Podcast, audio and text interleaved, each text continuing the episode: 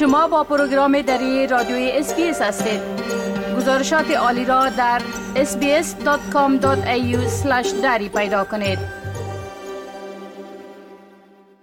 چگونه می توان اخبار نادرست را شناسایی و با آن مبارزه کرد؟ در عصری که اطلاعات با سرعت نور حرکت می کند تشخیص حقیقت از دروغ به طور فزاینده مشکل آفرین شده است. این معلومات چی به حیث اخبار نادرست، اطلاعات غلط یا اطلاعات فریبنده شناخته شود، تأثیر آن یکسان می باشد. یعنی تحریف واقعیت است که می تواند نظرات را تحت تاثیر قرار دهد باورها را شکل دهد و حتی بر تصمیمات حیاتی تاثیر بگذارد ما امروز این موضوع پیچیده را بررسی می کنیم ریشه های آن را برملا می سازیم بر میکانیزم بنیادی این اطلاعات نادرست و بر تأثیر بالقوه آن بر جامعه روشنی می اندازیم. اطلاعات نادرست یک چالش واقعی در دنیای دیجیتالی در حال پیشرفت ماست. اما این به صورت دقیق چی است؟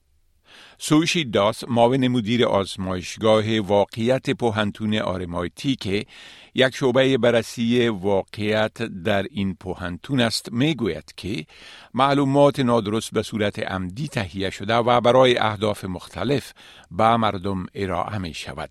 So misinformation is basically incorrect information that people pass on without realizing that it's incorrect. Disinformation is false information that people deliberately create to mislead other people, and they might do this for a joke, or they might do it to push a political agenda, or they might do it to somehow make money through clicks. بررسی کنندگان واقعیت مانند سوشیداس و تیمش محتوای ویروسی را در رسانه های اجتماعی بررسی می کنند تا مطالب را که ممکن است حاوی اطلاعات نادرست یا اطلاعات فریبنده باشند شناسایی کنند.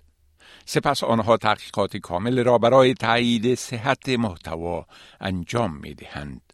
این تضمین می کند که اطلاعات دقیق با مردم شریک ساخته شود. خانم داس مجموعه از اطلاعات نادرست و اطلاعات فریبنده را در استرالیا شناسایی می کند و او می‌گوید که عناوین اخبار کنونی اکثرا اطلاعات نادرست را در رسانه های اجتماعی تحریک می کنند. For example, at the moment there's the war between Russia and Ukraine, so there is misinformation and disinformation around that war. There is another war in the Middle East, so we've got the Palestine and Israel situation, and there's a lot of misinformation and disinformation around that too. We're also seeing regularly financial scams, health related misinformation, دکتر تیموتی گرام استاد رسانه های دیجیتال در پوهنتون کوینزلند می گوید که الگوریتم های رسانه های اجتماعی بعضی اوقات می توانند نقش مهم را در نشر اخبار نادرست و اطلاعات نادرست ایفا کنند. پلتفرم های رسانه های اجتماعی برای نشر اعلانات ایجاد می شوند. آنها برای انفرادی ساختن محتوا بر اساس ترجیحات استفاده کننده از الگوریتم های استفاده می کنند که هدف آنها افزایش تعامل و ارتباط است. Content will come across people's feeds that they find irresistible. Humans are sort of hardwired and socially and emotionally set up for you know really emotive, uh, media-rich content that, that may not necessarily be factual. And I think platforms will tend to boost and promote content that's getting immediate reactions, like really bursty reactions from people. And people are very quick to share stuff that, that makes them feel something strongly, whether it's funny, whether it's you know, something really negative. اطلاعات نادرست می تواند از منابع مختلف مانند اشتباهات واقعی، گزارش های جانبدارانه و هیجان انگیز و دستکاری های عمدی سیاسی، ایدئولوژیکی یا اقتصادی ناشی شوند. تیوری های توطعه اکثرا روایت های مفصلی درباره توطعه های مخفی را شامل می شوند. برعکس اطلاعات نادرست طیف وسیعتر از اطلاعات نادرست یا گمراه کننده را در بر دارد که ممکن است شامل عناصر توطئه‌گرانه باشد یا نباشد طور مثال تیم آزمایشگاه حقایق RMIT در مورد یک تیوری توطئه تحقیق کرد که می گفت رمزهای QR تعبیه شده با برچسب های لباس تلاش برای ردیابی و کنترل مردم است. این تیوری ادعا می کرد که این اقدام طرحی بود که هدف آن همنوا ساختن بیشتر صنعت مود و فیشن با محیط زیست بود و از جانب مجمع جهانی اقتصاد، بانک ها و حکومت اختراع شده بود.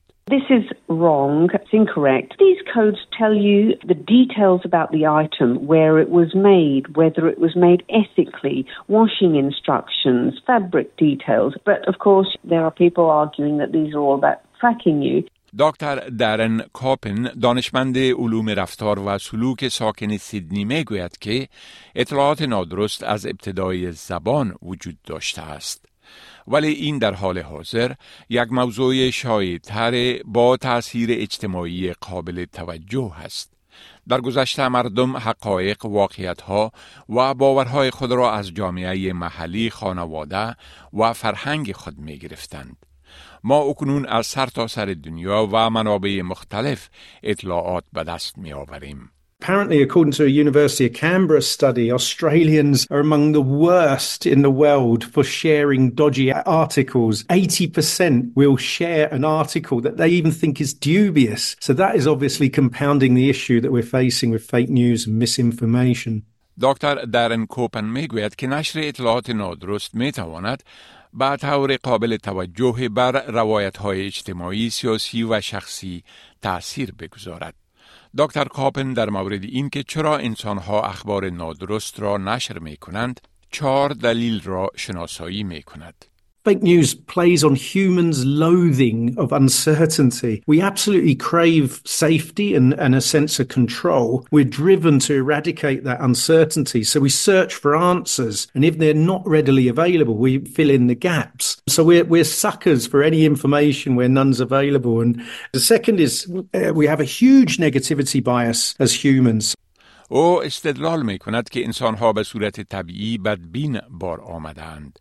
زیرا مردم تر کسانی بودند که زنده می ماندند. دکتر کاپن توضیح می دهد که دلایل دیگر کشش ما به اخبار نادرست یا اطلاعات نادرست جانبداری در تایید و تکنولوژی است که برای ایجاد اخبار نادرست مورد استفاده قرار می گیرد. If we belong to, say, an anti vax group, then we're likely to search for anti vax information, or at least that's what sticks in our brain. And the things that stick with us are things prove and reinforce our pre existing beliefs. So we just get more and more extreme and polarized. The last one is fake news now can look professional when you're looking at it online, whereas when you're with somebody face to face, you can tell from their furtiveness or their weird demeanor demeanor or, or sweaty palms, you might inform us that they're untrustworthy or what they're saying isn't to be believed. با توجه به شیوع اطلاعات نادرست در حال حاضر رشد و ایجاد مهارت‌های شناسایی و تایید اخبار بسیار مهم است. سوشی داس استراتژی عمده خود را برای تشخیص اخبار واقعی از اخبار نادرست به اشتراک می‌گذارد. You can just get some keywords, open a new tab, put those keywords into the new tab, and search for what other things you can find using those keywords. You can even put some keywords in uh, with the words fact check to see if somebody has already written an article, a fact check article about that topic. If it's a picture that you're looking at and you're not sure if that's a real picture, you can do a right click. If you're in Google, you can do a right click and you will get the option to search image with Google. دکتر کاپن پیشنهاد می کند که در مورد اخبار و اطلاعات باور نکردنی قبل از شریک کردن آن در فضای مجازی یک مقدار تعمل و سنجش کنید. stop and think would I repeat this or would I say this to somebody's face in public? And if you're not sure, then please don't forward and share things because you're just you're contributing to a multiplier effect of, of misinformation. And secondly, be wary of your own search term biases. گسترش اطلاعات نادرست با پیشرفت تکنولوژی تکامل می‌یابد. در دنیای امروزی که اطلاعات نادرست وجود دارد آگاه ماندن حیاتی است. با گفته سوشیداس یک راه مؤثر برای مبارزه با نشر اطلاعات نادرست گفتگوی احترام آمیز پرهیز از توهین و ارائه مداوم اطلاعات واقعی در طول زمان است. درک این نکته ضروری است که تغییر یک روند تدریجی و مستلزم صبر است. بپسندید شریک سازید و نظر دهید اسپیس دری را در فیسبوک تعقیب کنید.